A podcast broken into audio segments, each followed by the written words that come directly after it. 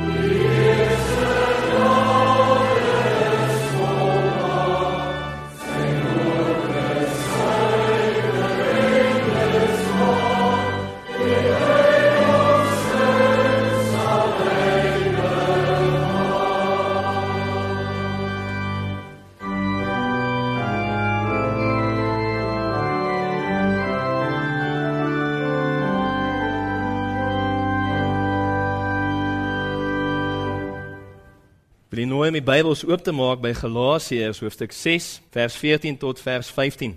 Die tema vanoggend sal baie eenvoudig wees: herleef die kruis.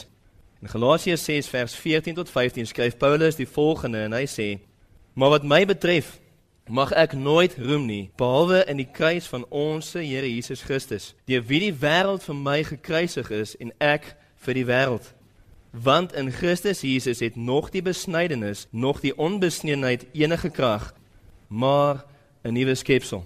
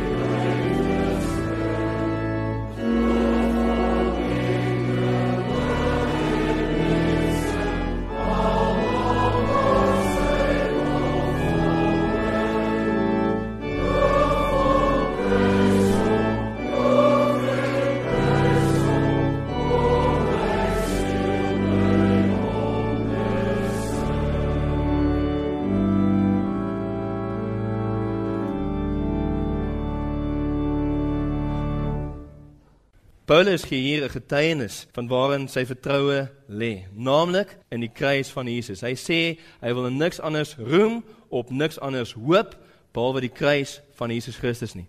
Martin Luther die reformeerder het gesê dat Christendom is 'n teologie van die kruis. Die kruis van Jesus is die sentrale tema en waarheid van die Bybel. Alles in die Ou Testament profeseë loop op soontoe, meeste profeseë wys vooruit na die lam wat geslag sal word, die knegg wat sal kom lê aan die kruis. In die Nuwe Testament sien ons dit en ons kyk terug daarna en dis die sentrale tema en waarheid van die Bybel. Christendom bestaan as gevolg van die kruis en Paulus maak dit hier baie duidelik dat hy niks anders sy roem of sy hoop wil plaas nie. Die enigste manier wat ek en jy as mense in 'n regte stand voor God kan wees, is as gevolg van en deur die kruis van Jesus Christus. Um, om geregverdig voor God te wees, om in 'n regte verhouding met hom te kan staan, is as gevolg van die kruis. Nou dis hartseer, die een van die hardste dinge van die mens, is dat ons vergeet of raak baie keer gewoond aan iets. Dink maar aan sekere mense wat in jou lewe is. Vriende, familie, waaraan jy so gewoond raak en jy begin hulle as iets van selfsprekend aanvaar. Dis nie meer vir spesiaal nie. Hulle raak maar net deel van die alledaagse. En 'n hartjie ding van die kruis van Jesus Christus is baie keer is omdat ons so baie daarmee te doen het. En so baie daarvan hoor dat dit vir ons ongelukkig afgestomp raak. Dat ons die gebeure en die betekenis en die boodskap van die kruis vergeet en so gewoond raak aan dit raak vir ons in plaas van goeie nuus raak dit baie keer vir ons ou nuus. En vanoggend is my hoop en my verlange dat jy opnuut weer net die kruis sal herleef en dat daar weer opnuut 'n bewondering en waardering in jou hart sal wees vir die tyd van die kruis. Nou een van die gedeeltes wat vir ons dit baie duidelik maak hoe belangrik die kruis van Jesus is, is 1 Korintiërs 1 vers 17 en vers 18. As Paulus vir die Korintiese gemeente skryf en hy sê dit: Want Christus het my nie gestuur om te doop nie, maar om die evangelie te verkondig, nie met wysheid van woorde nie, sodat die kruis van Christus nie verydel mag word nie. Want die woord van die kruis is wel dwaasheid vir die wat verlore gaan, maar vir ons wat gered word, is dit die krag van God. Sien, dis hoekom dit so belangrik die kruis van Jesus is. Dit is die krag van God. Naamlik die krag van God word bekend gemaak deur die kruis van Jesus. Die krag van God naamlik tot redding. In die kruis sien ons hoe God dit moontlik maak om mense sondaars soos ek en jy te kan red. Ons sal dus goed doen om so gereeld as moontlik en daarom ook vanoggend onsself te herinner aan die kruis van Jesus Christus. En John Piper het dit soos volg gesê: Die kruis is die sentrale middelpunt van die heerlikheid van God. Die sentrale middelpunt van die heerlikheid van God, bedoelende geen gebeurtenis in die geskiedenis van die wêreld openbaar die heerlikheid van God soos die kruis van Jesus dit doen nie. As jy die kruis aanskou, sien jy God in sy heerlikheid geopenbaar. Herleef dan die kruis saam met my, sodat ons dan fokus op die heerlikheid van God wat sigbaar word deur die kruis van Jesus. Vanoggend sal ons kyk na vier waarhede. Um, ons sal vier waarhede van God herleef sodat ons die kruis aanskou. En kom ons begin met die eerste een, naamlik sodat ek en jy die kruis van Jesus aanskou, herleef die soewereiniteit van God. Herleef die soewereiniteit van God, naamlik dat God in beheer is van alles en almal. Die kruis van Jesus was God se plan A van die begin af gewees en was nie iets wat hy as 'n plan B moes uitdink nadat die mense in sonde geval het nie. Van voor die grondlegging van die wêreld af, voor die skepping, was dit al reeds die plan gewees. Jy sien die hele Bybel van Genesis tot Openbaring handel oor God se verlossingplan wat in werking gestel is voor die begin van die skepping en wat stelselmatig stukkie vir stukkie volgens God se soewereiniteit sy beheer uitgewerk word. Niks kan gebeur sonder dat God dit bewerk of toelaat nie. En die kruis van Jesus spesifiek staan as die ewige getuienis dat God in beheer is en besig is om sy verlossingsplan te realiseer. Blaai vinnig saam met Handelinge 2 toe. Handelinge 2 vers 22 en 23 sien ons waar Petrus op die dag van Pinkster die eerste evangeliese boodskap na die dood en opstanding van Jesus preek. En waar fokus Petrus? Wel die kruis en opstanding van Jesus. En hoor wat sê hy oor die kruis? Israeliete, luister na hierdie woorde. Jesus, die Nasareër, 'n man deur God vir julle aangewys met kragte en wonders en tekens wat God deur hom onder julle gedoen het, soos julle ook self weet, Hom, dis nou vir Jesus wat deur die bepaalde raad en voorkennis van God oorgelewer is, het julle deur die hande van goddelose manne geneem en gekruisig en hom gebring. In hierdie vers sê vir ons vers 23 dat Jesus is volgens die bepaalde raad en voorkennis van God oorgelewer. En daai woordjie voorkennis is baie belangrik. Jy sien, daai voorkennis beteken God het geweet wat gaan gebeur omdat hy bepaal het om dit volgens sy raad en plan te laat gebeur. Voorkennis is nie waar God inkyk in die toekoms in en omdat hy weet wat daar gaan gebeur iets hier doen nie. Dis nie dat hy net kennis dra voor die tyd daarvan nie. Hy het dit beplan. Hy het intieme kennis daarvan gehad en dit sy plan gewees dat dit sou met Jesus gebeur. Pontius Pilatus en Herodes was slegs instrumente wat deur God gebruik is om sy plan uit te voer. Handelinge 4 vers 27 en 28 waar die apostels nou saam is en te vervolging breek uit en nou bid hulle. En hoor wat bid hulle? Hoor wat is hulle geloofs-oortuiging rakende hoe in beheer God is volgens hulle gebed? Want waarlik Herodes en Pontius Pilatus het saam met heidene en die volke van Israel vergader teen die heilige kind Jesus wat u gesalf het om alles te doen wat u hand en u raad vooruit bepaal het om plaas te vind. Wat sê dit vir my en jou? Dit was nie Pontius Pilatus of Herodes uiteindelik wat Jesus op die kruis geplaas het nie. Dit was volgens God se plan gewees. Kyk na die kruis en sien hoe in beheer God is. 1 Petrus 1 vers 18 tot 20. As Petrus dan later, hy wat gepreek het op Pinkster skryf en hy skryf hier dieselfde waarheid in 1 Petrus 1 vers 18 tot 20 omdat julle weet dat julle nie deur verganklike dinge silwer of goud losgekoop is uit julle ydelle lewenswandel wat deur die Vaders oorgelewer is nie maar deur die kosbare bloed van Christus soos van 'n lam sonder gebrek en vlekkeloos wat wel vooruit geken is voor die grondlegging van die wêreld. Maar in hierdie laaste tye geopenbaar is om julle ontwil. Voor die grondlegging van die wêreld voor die skepping is dit alreeds bepaal dat Jesus op die bestemde tyd sou kom om aan die kruis te kom sterf. Dis hoe soewerein God is Hierdie beplanning was haar fyn tot op so 'n mate dat as jy die evangelie van Johannes gaan lees, dan sien jy dat Jesus praat daar in terme van die eh, dit gepraat in terme van die kruis as die uur wat nog nie gekom het nie. Byvoorbeeld Johannes 7 vers 30 waar hy sê my uur het nog nie gekom nie. En dan later in Johannes 17 vers 1 Die laaste gebed wat ons van Jesus het voordat hy verraai sou word en gekruisig sou word, bid hy in Johannes 17 vers 1 dat die uur nou gekom het waarop hy verheerlik sou word en die Vader sal dan ook deur hom verheerlik word. Vriende, wanneer jy die kruis van Jesus Christus vanoggend saam met my herleef, kan jy dit nie doen sonder om te besef en te sien en te verstaan dat God soewerein is nie, ten volle in beheer nie. Hy was soewerein en vandag is hy soewerein. Hy is vandag nog soewerein en vandag nog besig om sy verlossingsplan in die lewens van sy kinders te bewerk tot die lof en heerlikheid van sy genade. Hy is soewerein oor jou lewe. Hy is soewerein oor my lewe. Hy is soewerein oor alles. Aanskou die kruis en sien hoe soewerein hy is. In die tweede plek wil ek jou nooi om saam met my dit te herleef, die geregtigheid van God. So wat ek in hierdie kruis aanskou, moet ons iets herleef van die geregtigheid van God. Nou in Eksodus 34 vers 6 tot 7 lees ons hoe God homself openbaar aan Moses, naamlik dat God sê aan Moses ek is 'n barmhartige, genadige, lankmoedige en goedertierende God. En dat hy dat God ongeregtigheid en oortreding en sonde vergewe, maar dit nooit ongestraf kan laat bly nie.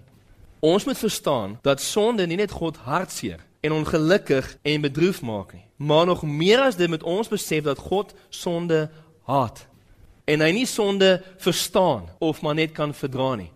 Hoe baie keer hoor jy mense wat in een van hulle sonde lewe en maar net sê ag die Here sal verstaan. En dit is nie wat God vir ons deur die kruis openbaar nie. God verstaan en is nie oukei okay, en alraai met sonde nie. God is lig en daar is geen duisternis in hom nie. Hy haat sonde en het geen deel daaraan nie. Wat staan as die ewige bewys dat hy sonde haat en dit nie kan verdra nie? Die kruis van sy seun Jesus. Kyk hoe haat God sonde dat hy sy seun gestuur het om doodgemaak te word. Hoekom? As gevolg van sonde. As gevolg van sonde wat mense kom skei het van God en maak dat mense nie verhouding met God kan hê nie, gevolg van sonde en omdat God regverdig is en elke sonde moet straf. Hy het sy seun Jesus Christus laat sterf as gevolg van sonde en kom ons maak dit meer persoonlik, ons sonde. My en jou sonde het gemaak dat Jesus moes kom sterf. Hy het Jesus laat sterf in die plek van sondaars, mense. God kan geen sonde ongestraf laat bly nie. En die kruis getuig dan vir ons van die geregtigheid en die regverdigheid van God. In Romeine 3 vers 21 tot 26 word deur sommige teoloë gesien as die belangrikste gedeelte in die Bybel, waarin die doel en boodskap van die kruis baie duidelik uitgespel word. En ek wil net vinnig vir ons vers 25 en vers 26 hiervan lees, waar ons dan ook sien dat die kruis van Jesus die vervulling van God se openbaring aan Moses en Eksodus 34 is. Hier is die vraag: Hoe kan 'n God wat regverdig is, sonde vergewe maar dit ongestraf laat bly? Dit is teenstrydig teen mekaar, want as hy so, hy moet sonde straf, maar hoe kan hy dit vergewe sonder om dit te straf? En die kruis van Jesus is daai openbaring vir ons. Hoor wat sê Romeine 3 vers 25 tot 26. Hom, dit is nou Jesus, het God voorgestel in sy bloed as 'n verzoening deur die geloof om sy geregtigheid te bewys, deurdat hy die sondes ongestraf laat bly het wat tevore gedoen is onder die verdraagsaamheid van God om sy geregtigheid te toon in die teenwoordige tyd, sodat hy self regverdig kan wees en regverdig maak wie uit die geloof in Jesus is. Jy sien hierdie gepaard van die verdraagsaamheid van God waar hy die sondes wat tevore gedoen is ongestraf laat bly het. Nou ons moet die vraag vra, wat is die straf van sonde? Wat is die straf wat elke liewe sonde verdien? En baie van ons ken Romeine 6 vers 23. Die loon van die sonde is die dood. Elke sonde verdien om gestraf te word met die dood en in die konteks van Romeine 6 is dit die ewige dood, die hel. Elke sonde verdien om gestraf te word met die hel. Jesus kom dan. En hy kom dra hierdie loon wat ek en jy verdien. Hy kom en hy kom dra die straf van sondaars om die geregtigheid, die regverdigheid van God te bewys. Deurdat geen sonde is nou meer ongestraf nie, maar nou is vergifnis en redding moontlik deur die kruis van Jesus. God straf sonde altyd. Jou sonde en my sonde moet en sal gestraf word. En daar's een van twee opsies. Of jy gaan besef dat jy 'n sondaar is en jy gaan tot geloof, tot vertroue in Jesus kom en jy gaan jou bekeer van jou sonde en jou sonde word dan op Jesus gereken, dan het hy daarvoor betaal. Hy het die loon betaal wat jou sonde verdien en jy kan vergewe word. Dis een opsie of die ander opsie is jy gaan nou in belly bly lewe teen God. Jy gaan jou nie bekeer nie, jy gaan nie tot geloof kom nie en eendag gaan jy self die loon van jou sonde moet dra, naamlik God sal jou hel toe stuur omdat jy nie in hom geglo het en nie op sy seun Jesus vertrou het vir die vergifnis van jou sonde nie. Die kruis openbaar die geregtigheid van God daarin dat God geen sonde ongestraf sal laat bly nie en dat hy geen sonde sal verdra nie. En dit los my en jou met 'n vraag. Is jy besig om met sonde te speel? Is jy besig om maar te dink dis oukei okay om sonde te doen? Dat God sal maar net verstaan, hy sal maar net bly verdra Hy sal maar net sy oog wegdraai na die ander kant toe nie daarna kyk nie. God het sy eie seun laat sterf aan 'n kruis sodat ek en jy kan besef hoe ernstig hy oor sonde is. Kyk na die kruis en herleef die geregtigheid van God. In die derde plek, die derde ding wat jy sonde moet herleef vanoggend is herleef dan ook saam met my die liefde van God. Want ons sien dit ook aan die kruis geopenbaar soos in geen ander plek in die skrif en in die geskiedenis nie hoe God sy liefde kom bewys vir sondaars. Hy leef die liefde van God. Liefde vandag het so 'n vlak en op 'n vlakkige term geword by baie mense. Ware liefde is egter nie net iets wat gesê word nie, maar iets wat gewys en bewys moet word.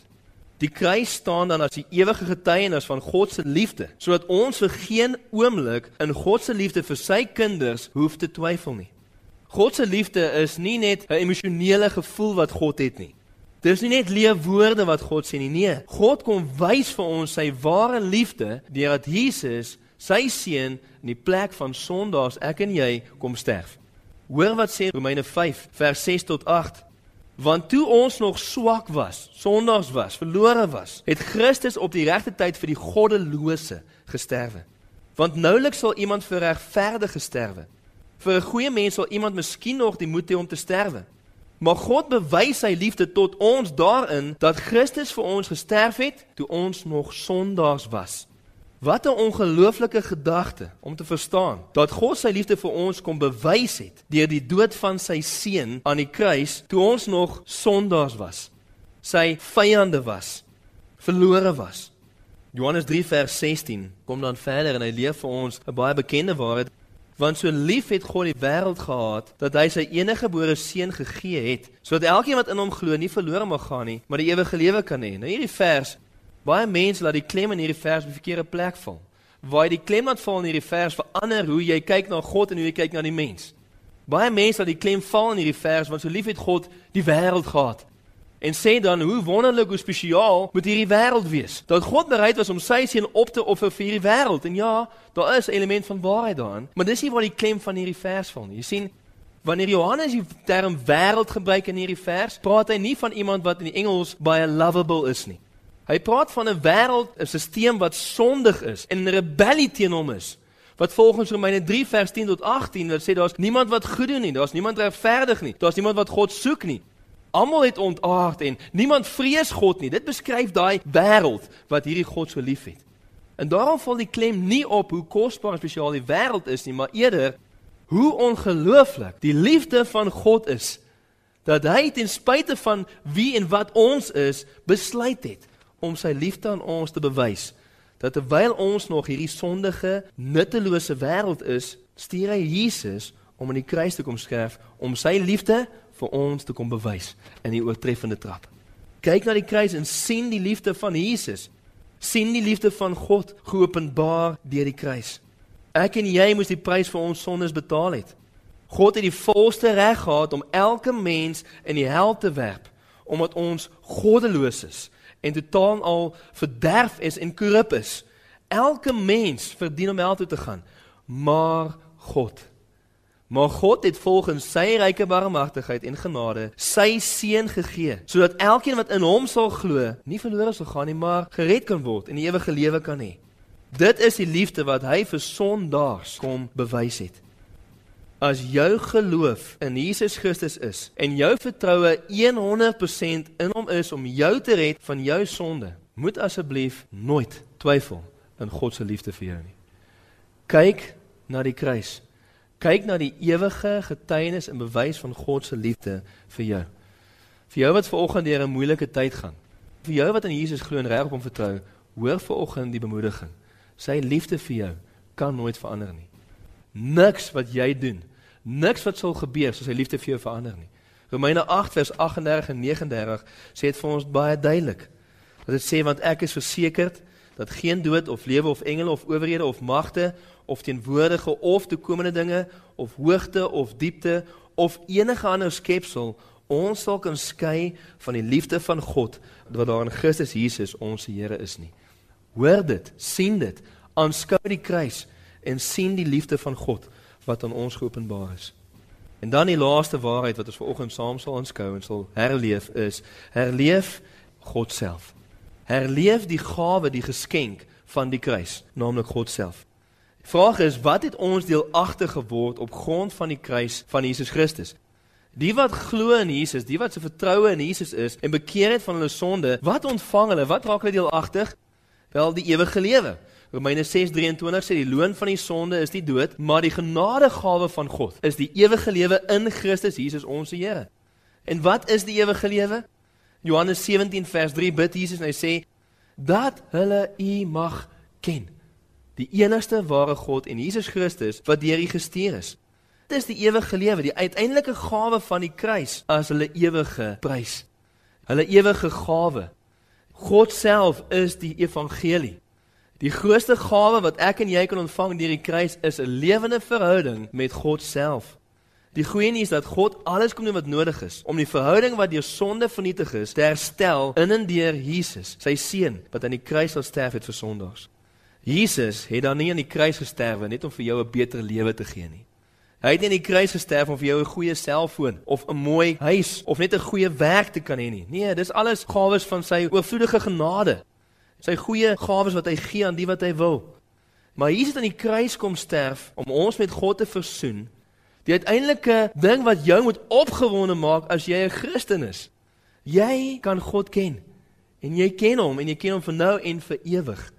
Dit is die goeie nuus van die evangelie. Kolossense 1 vers 21 tot 23 sê dit soos volg: Ook julle wat vroeër vervreemd was en vyandig gesind deur die bose werke, het hy nou versoen. In die liggaam van sy vlees deur die dood om julle heilig en sonder gebrek en onberispelik voor hom te stel. As julle ten minste gegrond en vas bly in die geloof en julle nie laat afbring van die hoop van die evangelie nie. Ons was vervreemd en verwyderd van God. As gevolg van ons sondes was daar geen gemeenskap met God gewees en God kom dan en hy versoen sondaars met homself. Hy kom maak vrede deur die bloed, deur die kruis van sy seun, sodat sondaars terug kan kom na hom toe en hulle met hom versoen mag word. En dis ook wat Petrus in 1 Petrus 3 vers 18 vir ons skryf as hy sê want Christus het ook eenmaal vir die sondes gelei. Hy die regverdige vir die onregverdiges om ons tot God te bring om ons met hom te kan versoen. Jesus is die een wat deur sy kruisdood sondaars tot God kan bring, sodat hulle in regte verhouding met hom kan staan en hom kan ken. Die gawe van die kruis is dat ons God sal aanskou in die kruis van Jesus Christus en dat ons harte tot hom getrek sal word om hom lief te hê met alles wat in ons is. Dis die uiteindelike gawe van die kruis, God self. En hoor dit, herleef dit, aanskou dit, besef dit Dis hoekom die kruis, dis die einddoel van die kruis, naamlik dat ek en jy God kan ken. Wanneer ons dan die kruis so erleef, dan verstaan ons ietsie meer van hoekom Paulus in Galasiërs 6 vers 14 gesê het, ek wil in niks anders doen behalwe die kruis van Jesus nie. Niks anders nie. Die kruis staan as die stralende middelpunt van die heiligheid van God. As jy die kruis mis en misverstaan en nie dit in glo en aan vertrou nie, mis jy God. Jy mis God. Die kruis is die wysheid en die krag van God waardeur hy ons tot hom kan bring om vir ewig in 'n verhouding met hom te staan. En die vraag dan baie eenvoudig is, ken jy hom? En ken hy jou? Is daai versoening gebeur? Het jy besef jou sonde verdien die hel en jy sal dit kry tensy jy besef jy het 'n redder nodig buite jouself. En daai redder se naam is Jesus. En hy moes kom sterf sodat jy gered kan word. Is jou hart vanoggend brandend oor wat hy vir jou aan die kruis gedoen het, sodat hy jou tot hom kon trek, sodat hy jou met hom kon versoen. Los dit jou op 'n plek van asemrowende verwondering vir oor hoe heerlik God is en met 'n aangrypende dankbaarheid in jou hart vir wat hy kom doen het in jou plek. Vanoggend dan herleef die kruis, kyk na die kruis en ken Jesus. Kom ons bid saam. Here, dankie dat ons ver oggend net so na hierdie vier waarhede kon kyk en daar is soveel meer. En ons wil bid, Here, dat U ver oggend hierdie waarhede in mense se harte sal implant. Dat ons deur die kruis van Jesus sy soewereiniteit sal aanskou. Dat ons sal sien hoe regverdig U is, dat U elke sonde kom straf het en moet straf, maar ook U liefde. Here, hoe asemrowend is U liefde dat U dit liefde kom bewys aan die kruis. En mag ons dan na U toe kom, Vader om met U versoen te word en 'n verhouding met U te mag staan tot die eer en verheerliking van U naam. Kom doen U werk in ons, Here. Ons vra dit in Jesus naam. Amen.